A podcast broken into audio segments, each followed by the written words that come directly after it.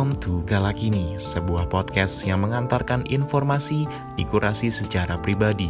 Opini yang bersifat subjektif tak bermaksud menghakimi, kami hanya ingin berbagi. Mohon maaf bila ada ketersinggungan di luapan asumsi kami. So, let's talk about the currently and share the positivity.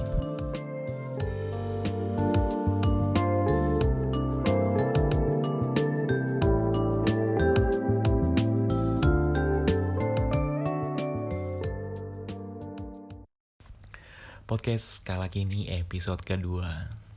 Ya senang sih akhirnya sampai di episode yang masih bayi ini. Cuman awal-awal sih gue agak kayak iya nggak ya dilanjutin nggak ya Eh, karena gue udah membuat podcast uh, tidak hanya podcast kala kini juga gitu masih mampu nggak gue membagi uh, fokus gue kepada podcast ini tapi ternyata berkat dukungan yang denger juga nih teman updates uh, juga yang pelan-pelan mau uh, mendengarkan yang pelan-pelan mau memfollow Instagramnya di podcast skala kini bisa kalian follow juga untuk memberikan kritik saran atau bahkan topik-topik yang ingin dibahas oleh teman updates yang ya mungkin untuk memberikan informasi lebih luas lagi gitu buat teman-teman updates yang lain agar informasinya diperbaharui kembali gitu.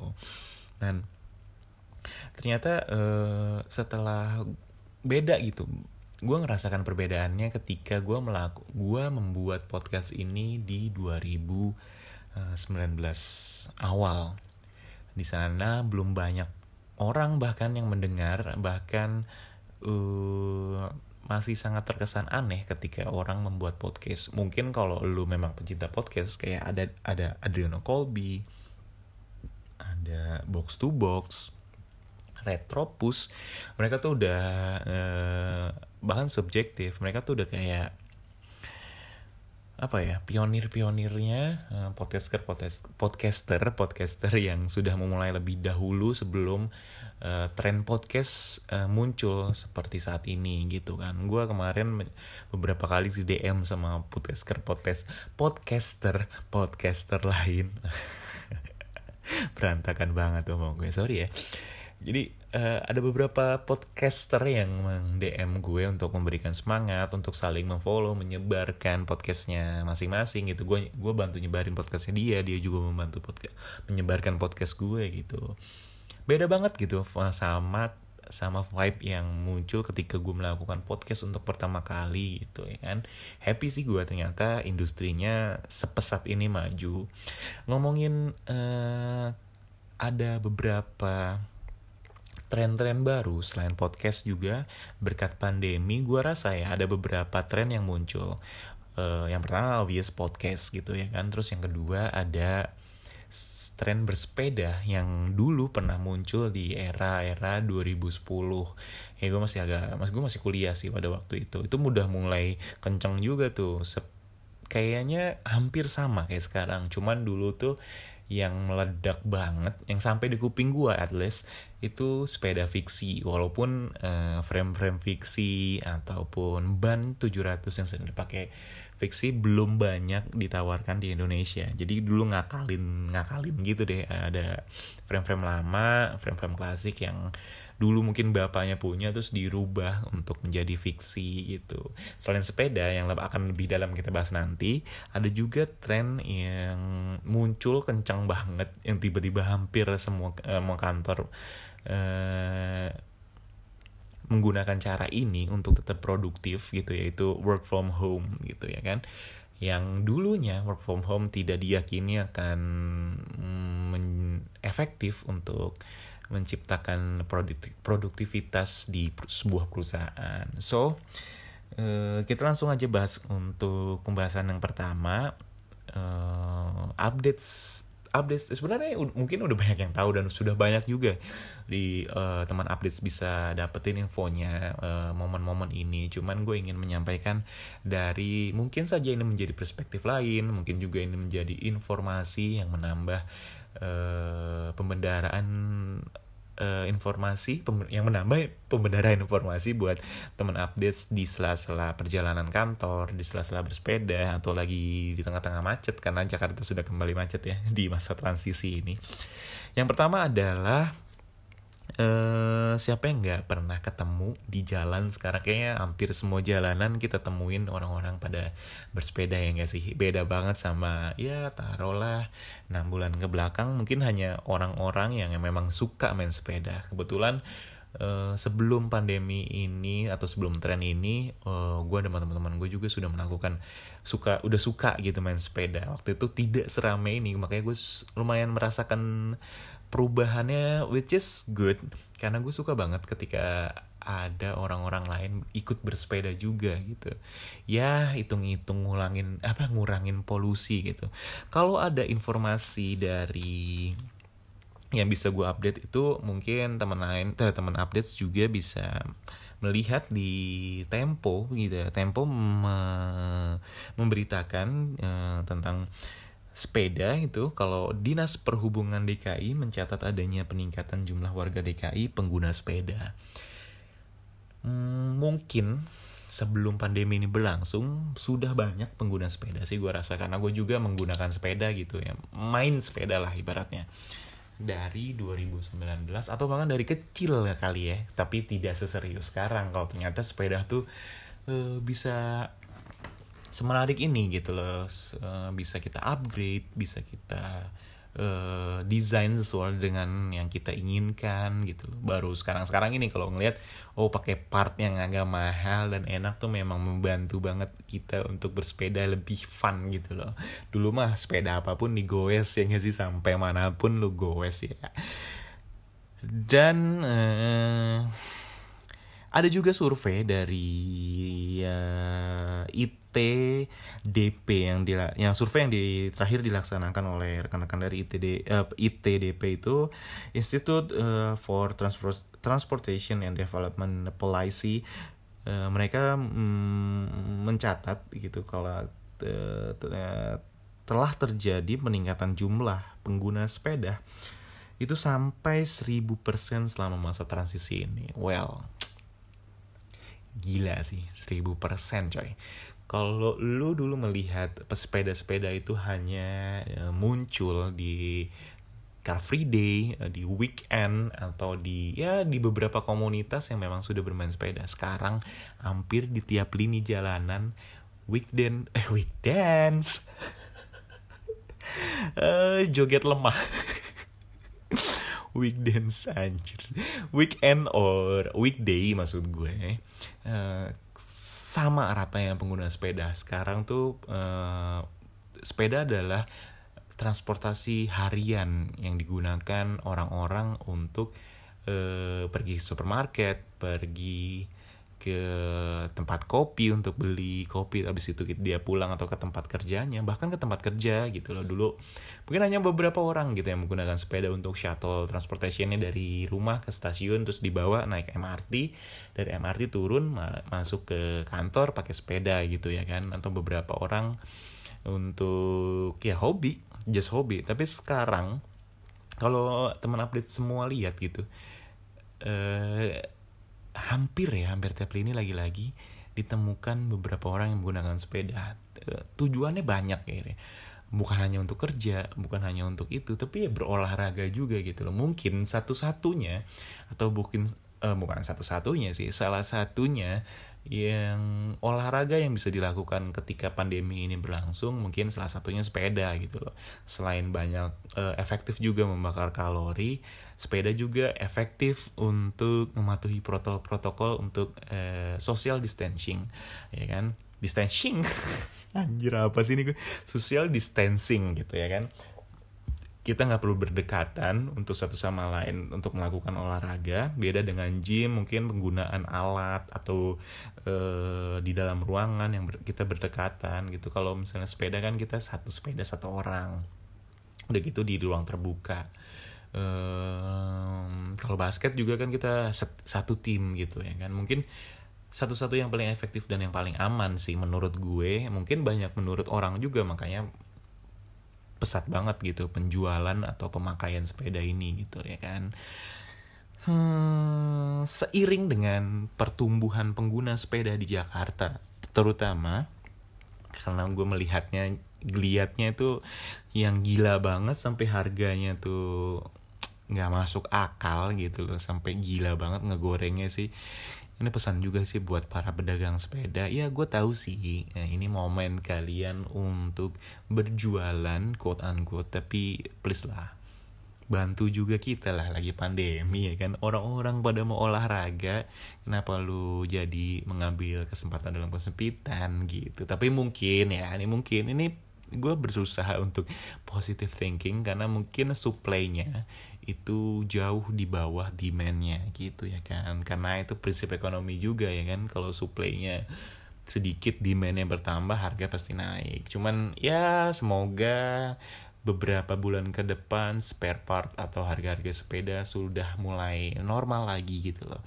Ngomongin masalah pengguna sepeda yang meningkat tadi, fasilitas yang kita temuin di Jakarta tentunya mungkin gue nggak tahu ya kalau yang di daerah mungkin bisa juga loh teman-teman yang di daerah kasih infonya gimana sih bersepeda pesepeda sepeda di kota-kota kalian gitu ya kan. Mungkin kalau di daerah menurut gue mungkin sudah sepeda sudah menjadi uh, transportasi harian buat mereka gitu loh. Ya beda aja gitu sama orang-orang Jakarta atau orang-orang Jabodetabek yang menganggap sepeda itu cuma dipakai di weekend dan untuk olahraga dan hobi gitu loh. Mungkin kalau mereka ya transportasi sehari-hari gitu ya kan. Makanya gue tidak terlalu update juga sih bagaimana fasilitas atau perkembangan atau pesatnya pengguna sepeda di daerah. Nah mungkin teman-teman yang di daerah bisa update uh, info-infonya gitu uh, tag ke instagramnya. Podcast kali ini juga boleh atau ya oh iya nih uh, ternyata mungkin perlu ya untuk diupdate berita-berita kayak gini. Mungkin mungkin aja perlu untuk menambahkan informasi gitu. Dan kalau Jakarta sendiri balik lagi uh, fasilitas uh, di Jakarta uh, lumayan ya lumayan akhirnya lumayan uh, mendapatkan concern terutama dari gubernur gitu ya kan. Pada pada masa-masa transisi ini semakin digalangkannya gitu peluburan jalan raya untuk sepeda dari yang awalnya sebelum pandemi 1,2 1,25 meter akhirnya dilebe, diperbesar menjadi 2 meter gitu. Dari tapi ini hanya di beberapa tempat sih ya dari Bundaran Senayan sampai Simpang Patung Kuda gitu. Kalau dari sini dari Tempo sih beritanya ini gitu loh jadi mungkin eh, karena banyak banget sekarang pengguna sepeda mungkin jalur yang tadi cuma 1,25 meter tidak cukup menampung. Karena mungkin kalau ada harus bersamping bersampingan itu masih membahayakan jadinya dilebarin menjadi 2 meter kabar baik sih untuk para pengguna sepeda. Tapi ada juga nih yang pro kontra antara beberapa orang yang mendingan gak usah ada deh lain sepeda karena ada pun motor masuk, sepeda sepeda jadinya tidak menggunakan jalur sepeda dengan baik. Akhirnya pengguna transportasi lain jadi nyinyir sama pesepeda gitu loh. Gue heran sih sebenarnya ada banyak banget yang akhirnya kenapa orang-orang segitu sensinya sama para pesepeda yang mereka hanya memblow up masalah-masalah yang mungkin hanya oknum-oknum pesepeda yang melanggar lalu lintas, yang melanggar traffic light gitu ya kan. Karena sebenarnya pengguna transportasi lain menurut gue juga iya lu bisa lihat sih pengguna motor lah, pengguna mobil lah. Kadang-kadang ya memang ada beberapa orang juga oknum yang melanggar yang lampu merah main terabas aja. Cuman once ini berkaitan dengan sepeda gitu, gue gue nih sub, nih subjektif nih karena gue pengguna sepeda gue merasa gue tidak melanggar gue tidak pernah melanggar uh, lampu merah gitu loh tapi kenapa dipukul rata mereka bilangnya uh, pesepeda sudah tidak terkendali atau whatsoever menurut gue itu hanyalah oknum. Bagaimana kabarnya eh, para pesepeda motor yang suka lawan arah para mobil yang suka parkir sembarangan lu nggak punya garasi tapi punya mobil ya kan? Kayak gitu kayak gitu kenapa nggak pernah disinggung? Ya kan? Hmm, gue gak mau lanjut nyinyir sih takutnya malah. Gimana ya kadang-kadang tuh orang-orang tuh memukul rata dari sebagian orang yang ya, memang salah. Gue juga tidak membenarkan mereka melanggar aturan. Cuman oh come on man. Itu cuma beberapa orang dan pengguna transportasi lain pun pernah melanggar gitu. Jadi bukan jangan mengatasnamakan pesepeda. Itu hanya oknum. Gitu. Dari fasilitas uh, dan pengguna obvious peningkatan pun dialami para Uh, peningkatan peningkatan omset uh, penjualan pun dinikmati oleh para penjual sepeda obviously. Di sini ada dua toko sepeda yang uh, yang bisa gue update informasinya kalau dari Good Ride by Cafe mereka hanya bisa biasanya dua sepeda itu dalam sebulan. Sedangkan setelah masa transisi ini dan booming sepeda ini mereka bisa 10 sepeda dalam empat hari you can imagine that. Be sebegitu uh, seksinya menjual sepeda saat ini. Makanya mungkin uh, harga-harganya juga semakin melonjak tinggi karena permintaannya sedahsyat itu sih. Permintaan akan sepeda ya tentunya. Dan uh, toko kedua itu dari ini bukan toko sih tapi dari ketua Asosiasi Industri Pesepeda Indonesia. Dan atau disingkat AIPI itu dia memberitakan bahwa meningkat eh, 30% produsen dalam negeri. Kalau mungkin ada beberapa orang yang memang sukanya sepeda-sepeda dari luar kayak Cinelli kayak hmm, Eddie Merck kayak apa ya Surly gitu. Tapi tidak kalah juga banyak juga pecinta-pecinta sepeda dalam negeri seperti yang dulu pernah banget heboh di 2010 tadi gue bilang fiksi-fiksi itu. Ada Pias yang sekarang menjadi barang langka tapi semoga nanti ya kan ada anniversary-nya nih. Semoga bisa memproduksi lebih banyak karena setahu gue dulu Pias hanya memproduksi 100 atau 100 ya kurang lebih 100 untuk sekali produksi dan mereka tidak pernah memproduksi lagi. Kemarin nih gue denger karena mau anniversary Pias, correct me if I'm wrong, mereka akan membuat edisi anniversary ini sebanyak 550. Sedikit masih tapi ya semoga ini menambah geliat pesepeda lokal gitu loh. Selain ada Pias juga Federal bangkit lagi untuk para para pemain 26 26 inch gitu loh nih. MTB ya basicnya. Tapi mungkin bisa dipakai untuk hybrid, gravel atau cuman jadi uh, buat uh, commuting keliling kota. Banyak banget sekarang tujuan dari menggunakan sepeda 26 ini gitu loh. Bahkan ada beberapa beberapa model yang meningkat belakangan ini. Seperti kita tahu Sally Brompton gila coy harganya sekarang yang tadinya cuma 35 something sekarang bisa ratusan juta untuk sebuah sepeda. Agak tidak masuk akal tapi ada aja yang beli itu lebih gila lagi. Ada juga selain Sally uh, apa ya Mini Velo. Mini Velo uh, United pun membuatnya gitu loh. Mungkin dulu nggak pernah tergubris ah apa tuh Mini Velo? gitu. Sekarang gue seneng gitu lah ada beberapa bukan cuma satu jenis sepeda yang booming kayak seperti 2010 gue sih hanya mendengar uh, uh, apa? Fiksi yang lumayan gila gitu loh uh, meledaknya gitu. Tapi sekarang banyak banget varian dari dari sepeda-sepeda. Jadi semakin banyak pengguna sepeda semakin banyak juga pilihannya gitu ya kan. Seneng. Semoga Indonesia someday bisa jadi kayak Tokyo atau Amsterdam yang sangat uh, sepeda friendly gitu di jalanannya. Walaupun cuaca agak anget ya di Jakarta tuh beda sama Tokyo atau Amsterdam. Tapi orang-orang Indonesia tuh bisa beradaptasi lah dengan hal itu. Dan oke-oke aja kayaknya. Kalau sepeda kan bisa pagi, bisa sore gitu. Pulang kerja pun kadang-kadang orang pagi, berangkat pagi, pulang sore atau bahkan ke malamnya.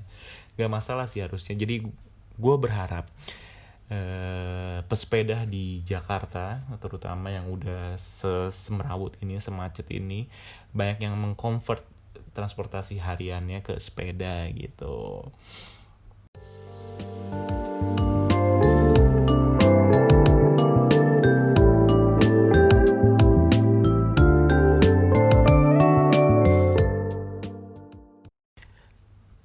Segmen 2 di episode kali ini adalah sebuah hal booming juga di selain sepeda. Tadi udah sudah sempat gue singgung sih di awal-awal uh, episode ini dibuka gitu kan kayak ya seperti yang kalian dengarkan teman updates ini platform yang kalian dengarkan ini bernama podcast dan itu belakangan terakhir ini lagi gila-gilanya sih mungkin karena pandemi terjadi jadi banyak orang punya waktu luang uh, di rumah jadi bingung harus berkarya seperti apa dan akhirnya banyak orang juga yang akhirnya membuat uh, sebuah karya berupa audio ya kan? Kalau mungkin kalau YouTube agak sedikit ribet karena membutuhkan banyak equipment uh, podcast ini sangat simple hanya bisa di bukan hanya bisa dengan hanya dengan menggunakan i uh, handphone gitu loh kalian sudah bisa memproduksi sebuah podcast yang lumayan proper sih uh, harusnya gitu ya kan. Jadi awalnya di tahun 2005 uh, mungkin pada saat itu orang masih bingung gitu apa sih podcast? Jadi Steve Jobs uh, menjelaskan kalau podcasting adalah generasi baru dari sebuah radio gitu karena mungkin basicnya radio dan podcast adalah sama-sama uh, media yang berbasis audio gitu ya kan. Dan hal ini pun diamini oleh Ben Harmless Ben Harmless Ben Harms Hammersley sorry Ben Hammersley dia dari dia seorang kol kolumnis di Guardian and jurnalis BBC waktu itu dia bilang gitu kalau podcast adalah istilah yang benar-benar baru dari iPods dan uh, broadcast gitu. Menyambut dari apa yang diperkenalkan oleh Steve Jobs sang bapak Apple which is di mana iPods itu berasal ya dari Apple dan uh, waktu itu si Ben Ham Hamsley ini menulis di Guardian dan di BBC pasti uh, mungkin gitu ya kan. Kalau istilah podcast itu berasal dari iPods and broad and broadcast. Untuk untuk beberapa orang yang bahkan podcaster podcaster yang mungkin membuat podcast mungkin tidak tahu kalau ternyata podcast itu berasal dari iPod and broadcast gitu. Untuk yang lebih tahu yang untuk yang sudah tahu ya keren juga loh tahu sejarah podcast. Gue sih baru-baru ini sih tahu sebenarnya sejujurnya gitu jadi pada uh, dua window kemudian podcast setelah uh, Steve Jobs mengumumkan keanehan yang orang lain pikir apaan tuh podcast gitu ya kan. Jadi dua minggu, dua minggu. Jadi dua minggu. Anjir. Jadi dua window kemudian podcast menjadi salah satu uh, konten paling pop di jagat media digital gitu. Eh, menurut riset uh, Edison Research and Triton Digital saat ini ada lebih dari 800 ribu podcast aktif dan 54 juta episode di seluruh dunia. Ini podcast-podcast yang gue mulai nih kayak cuman tai kuku. ini debu ini tuh apa ya? Gila men. Ternyata ada 800 ribu podcast aktif di seluruh dunia dan ada 54 juta episode.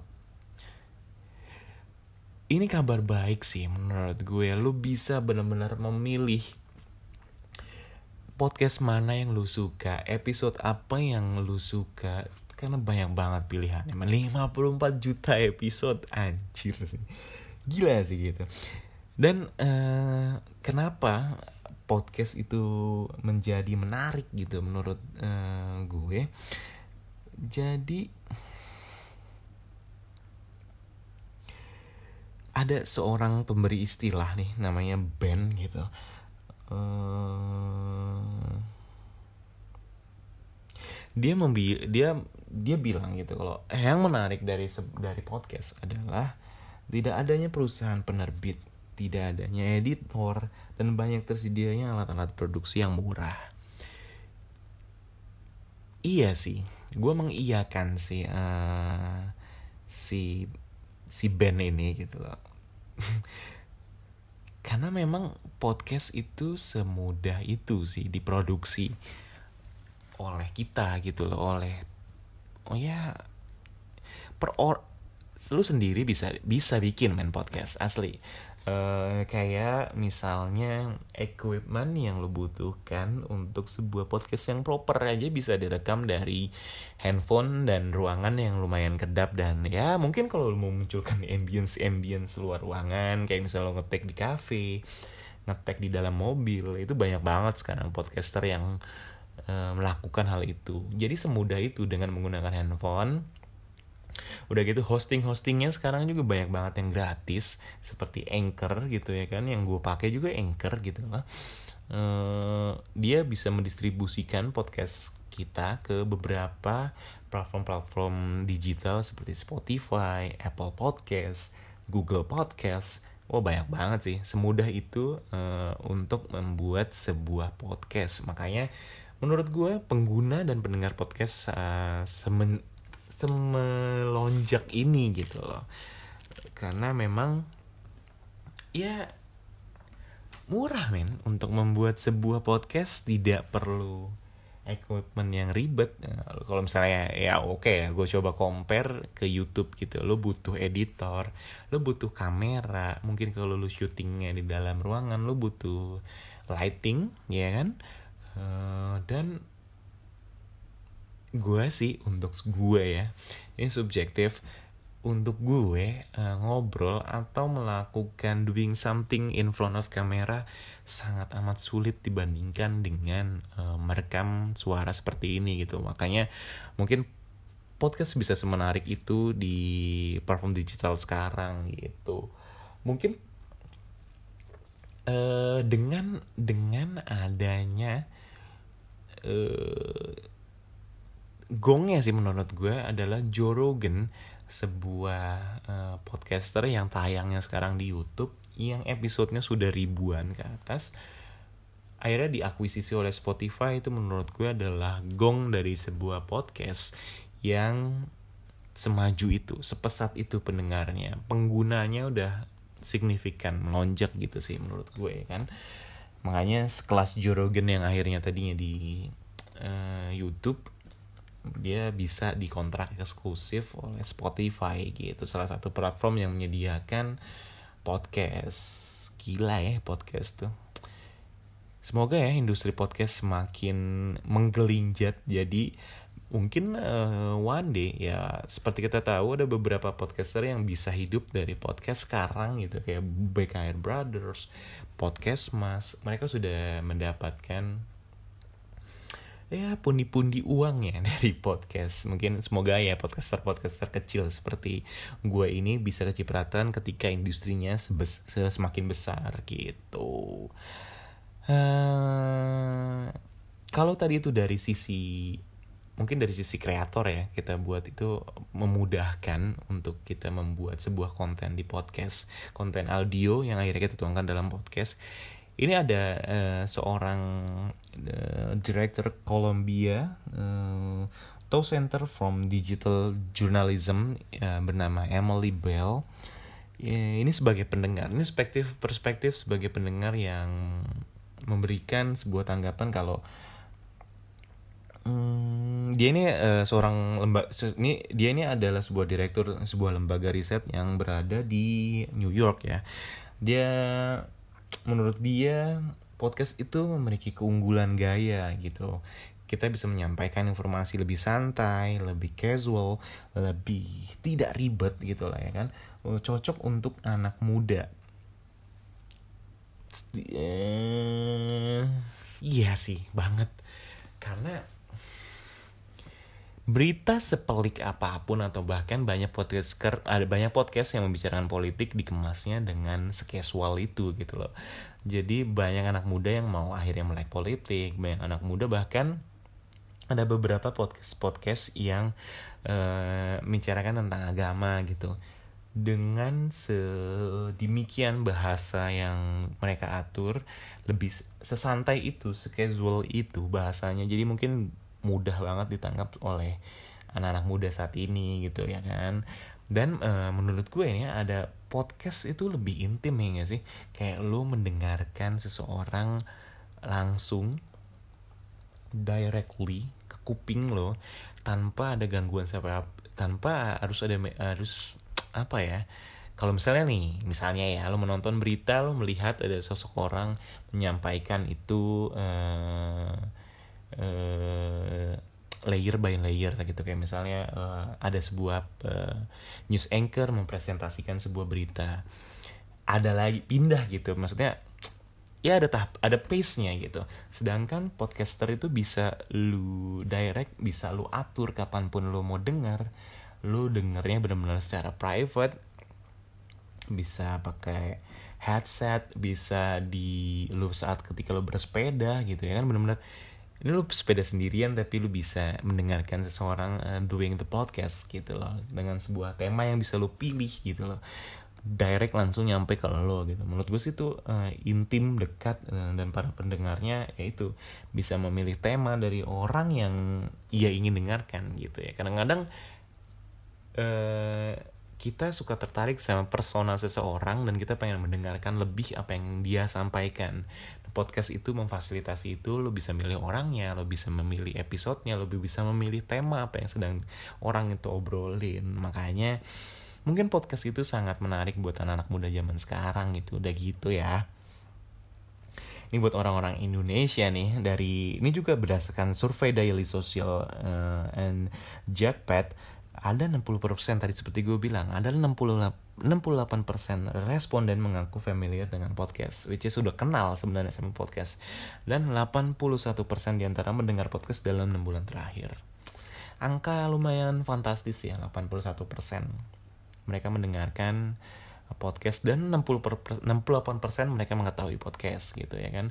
Dan di uh, di Indonesia sendiri menurut gue dengan dengan dunia yang saat ini fokus untuk mengurangi screen time maka menurut gue terbuka nih kesempatan-kesempatan besar untuk platform platform platform audio masuk gitu ya kan. Uh, ini dunia yang sedang concern sama masalah screen time. Obvious Indonesia part of them gitu ya kan. Indonesia adalah bagian dari orang-orang yang concern sama screen time. Uh, iPhone sendiri pun menyediakan fitur screen time. Kalau membatasi lo menggunakan uh, handphone lo. Uh, mereka bisa um, announce kalau lo sudah menggunakan beberapa jam uh, handphone lo dalam satu pekan dalam satu hari gitu loh. Concernnya tuh lagi tinggi banget karena uh, belakangan orang-orang tuh super tergantung banget sama handphone. Kayak lu lagi ngumpul lah ya sama teman lu nih ngumpul nih. Lu udah susah-susah ngatur jadwal. Once lu ngumpul semuanya mainan handphone itu is nggak seru sih ya kan? Nah di tengah-tengah itu uh, ada platform uh, audio nih mulai masuk nih seperti podcast gitu. Makanya ya lagi-lagi ini meningkatkan pendengar podcast dan industri podcast semakin meningkat gitu loh. Ini terbukti dari akuisisi Spotify terhadap perusahaan yang bergerak di dunia podcast seperti Grimlot and Anchor seperti yang gue pakai sekarang ya Spotify dan Anchor gitu. Uh, dan di sisi lain, di sisi lain dari uh, tren podcast ya uh, ini adalah pendapatan iklan melalui platform podcast pun meningkat terutama di Amerika. Karena mungkin Amerika sudah memulai podcast jauh sebelum Indonesia memulai ya tapi perlahan-lahan by the time gue merasakan gitu loh podcast podcast di Indonesia sudah mengalami progresi menuju eh, tahap itu gitu loh tahap eh, pendapatan. Kita bisa kita, eh, when you when you doing the podcast lu bisa menghasilkan sebuah pundi-pundi juga pundi-pundi pendapatan lu juga gitu. Karena iklan sudah mulai bergeser nih dari platform-platform lain akhirnya masuk ke podcast gitu.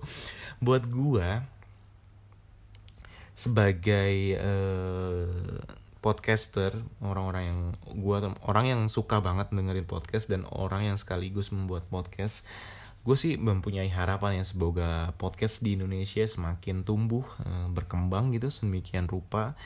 Kalau banyak hmm, kreatornya itu F uh, secara tidak langsung mungkin bisa menambahkan pendengarnya.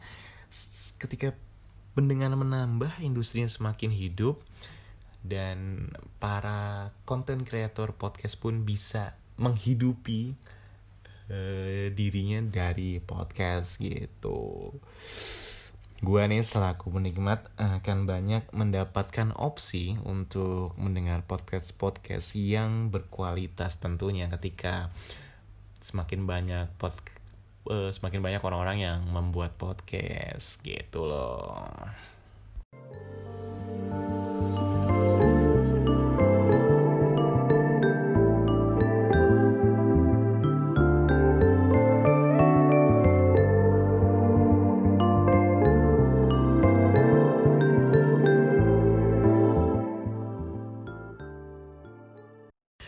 Informasi selanjutnya yang akan gue sampaikan di episode ini uh, berkaitan masih berkaitan dengan boomingnya sesu sesuatu di masa pandemi ini adalah work from home.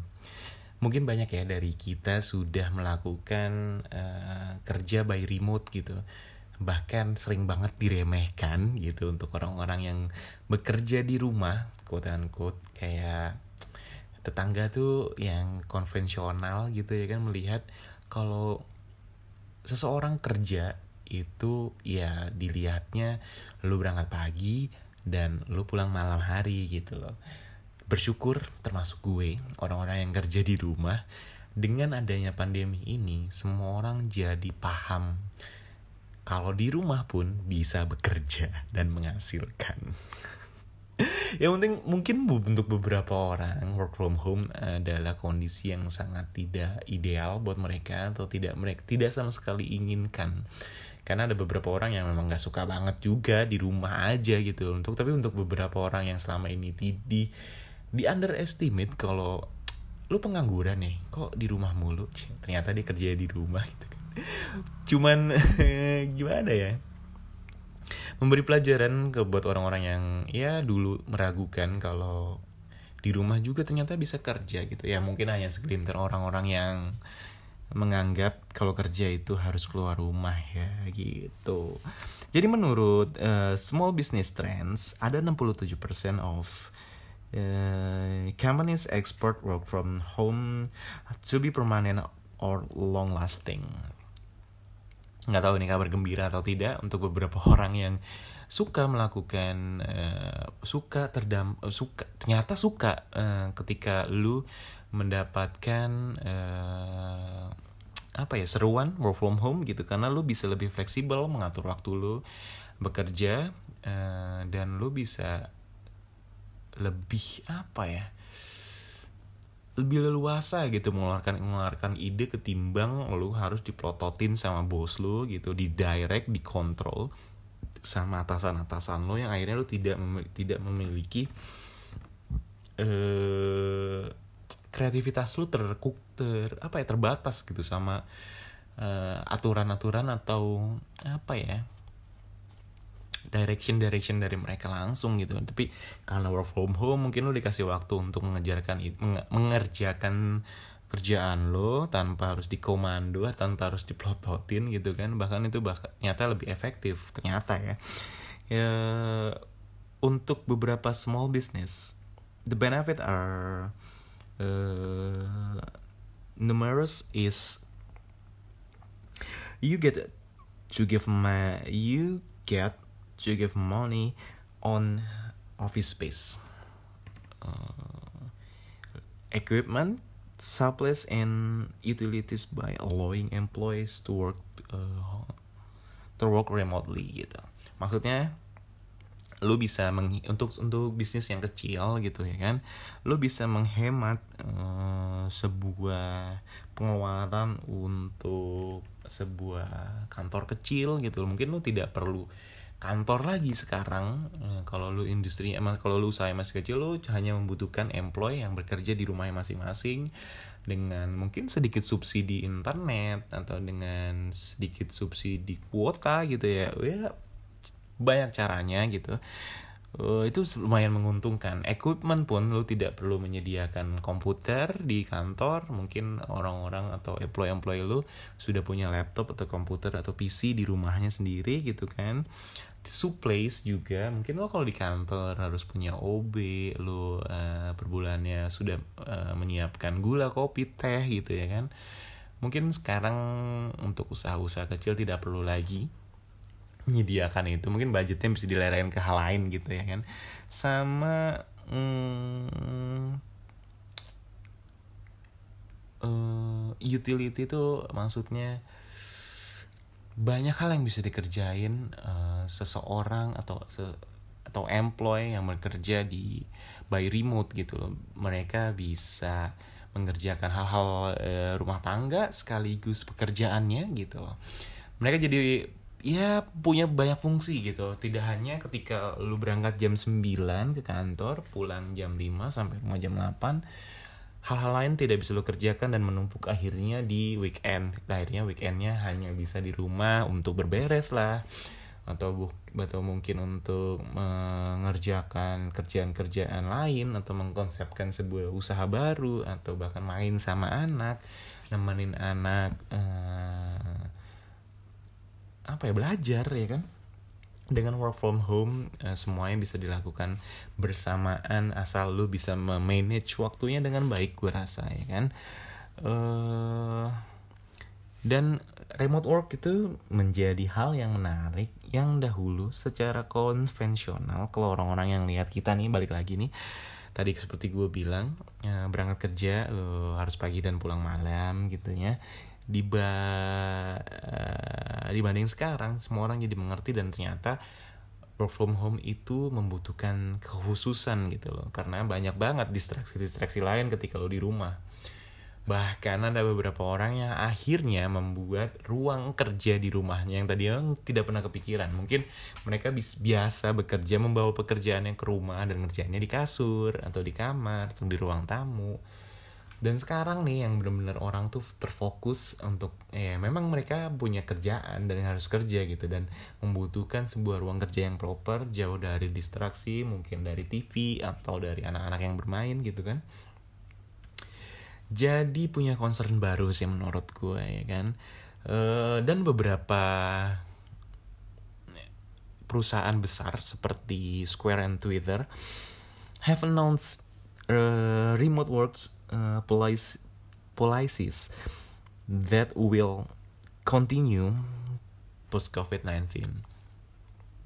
Jadi mereka uh, akan memperpanjang bahkan akan menerapkan kali ya menerapkan sistem baru atau aturan baru di kantornya masing-masing kalau uh, bekerja dengan dari kejauhan bisa kok ternyata mempertahankan produktivitas tidak terganggu kok permasalahan produktivitasnya gitu loh. Bahkan mungkin di beberapa mereka menemukan di beberapa pegawainya me mengalami tingkat stres yang menurun karena work and life-nya balance gitu loh.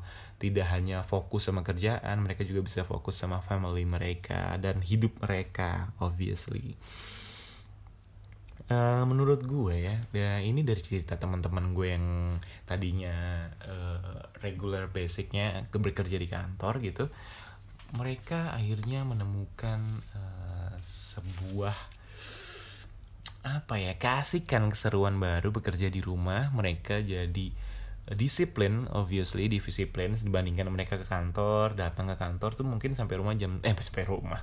Sampai kantor jam 10 uh, eh, mungkin mereka makan dulu ngopi dulu efektif kerja jam 11 jam 12 mereka udah istirahat.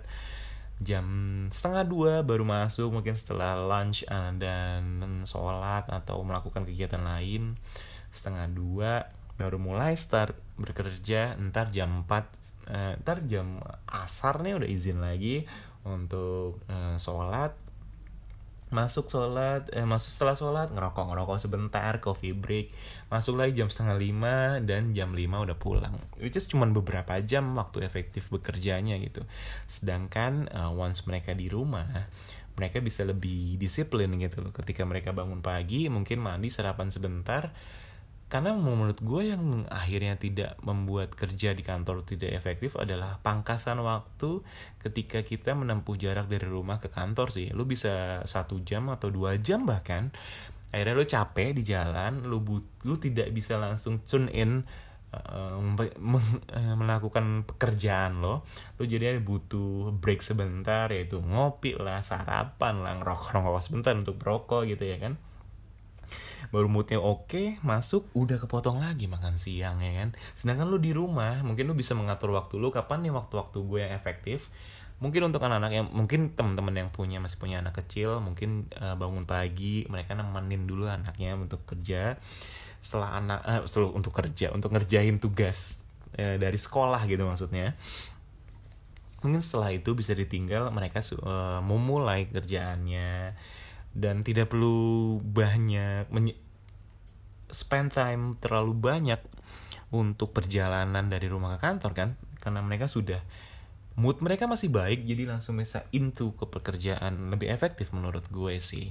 Karena gue yang bekerja di work from home lumayan jam kerjanya kalau secara kontrak misalnya lo di kantor ya kan? 6 jam sampai 8 jam waktu efektif lo mungkin 4 jam uh, 4 jam 5 jam something lah yang untuk efektif bekerja. Tapi sedangkan lo when lo bekerja di rumah kalau memang lo pengen mengge into untuk pekerjaan lo mungkin 2 jam 3 jam 4 jam tapi lo intens pekerjaan lo selesai main hari itu. Jadi super efektif um, the rest of time uh, di dalam hari itu lo bisa manfaatkan untuk memikirkan konsep baru. Usaha lo atau uh, lo bisa membantu anak lo ngerjain PR bahkan lo berolahraga doing some hobbies. Wah men stress stressful tuh menurun sih menurut gue once lu bekerja di WHV tapi semoga uh, beberapa perusahaan yang di Indonesia terutama menerapkan WHV juga tidak hanya pas pandemi sih dan lebih ini nih ada sedikit insert yang mungkin agak melenceng dari topik tapi menurut gue ini lebih perlu perlu ini, opini ini perlu gue utarakan gitu seperti jam jam buka tutup mall gitu ya kan. Uh, untuk beberapa orang yang sering keluar negeri mungkin kalian tahu di beberapa negara mall tuh tutup jam 5 sore coy. Jadi anak-anak retail nih para pekerja retail masih bisa mempergunakan waktunya eh, kehidupannya dengan dengan oke okay, masih proper gitu. Ketika mereka balik jam 5 jam 6 mereka masih bisa bergaul bersosialisasi menemukan jodohnya menemukan atau bahkan les-les untuk menambah skill gitu ya kan. Dibandingkan dengan Indonesia yang buka ya lu harus eh, sampai di mall jam 9 sebelum mall buka jam 10 dan lu uh, bisa meninggalkan mall setelah satu jam. Mall itu tutup which is jam 10 malam juga. Dan sampai di rumah jam 12 malam. Kasihan gak sih men ketika lu melihat uh, workflow-nya dari orang-orang retail itu. Tapi sekarang semenjak pandemi jadi ada aturan baru gitu ya kan? Mungkin sama uh, bukanya di jam 10 tapi tutupnya di jam 8 ya oke okay lah membaik. Semoga one day mall bisa tutup jam 7 sih gue harapannya. Karena sebenarnya ya seperti bioskop atau rumah atau restoran ya pisahin aja dari mall gitu. Karena mall tuh kita datang untuk memenuhi kebutuhan yang sebenarnya sudah kita tahu apa ya kan? Ya budaya sih akhirnya ya. Budaya window shopping window shopping window shopping itu menurut gue budaya Indonesia banget sih. Lu keliling literin mall bahkan lu tidak membeli apa pun akhirnya. Lu cuman ngabisin waktu yang sama sekali tidak produktif menurut gue. Uh, berbeda mungkin ya kalau mungkin nonton lu pengen malam ya banyak kok sekarang sudah udah banyak gitu hmm, bioskop bioskop yang di luar mall gitu. Jadi tidak terganggu uh, Eh, terganggu dengan uh, jam buka tutupnya mall itu sendiri gitu. Hmm. Balik ke work from home, um, menurut gue ya, akhirnya terjadi pergeseran pandangan lama yang akhirnya berubah yang tidak yakin kalau beberapa perusahaan tidak yakin kalau uh, memperkerjakan pekerja yang hanya bekerja by remote gitu loh tidak efektif sama sekali tidak produktif sama sekali terpatahkan akhirnya. Nyata memang bisa dikerjakan. Untuk beberapa departemen mungkin bisa ya. Untuk dikerjakan by remote gitu loh tidak perlu uh, tidak perlu hadir ke kantor.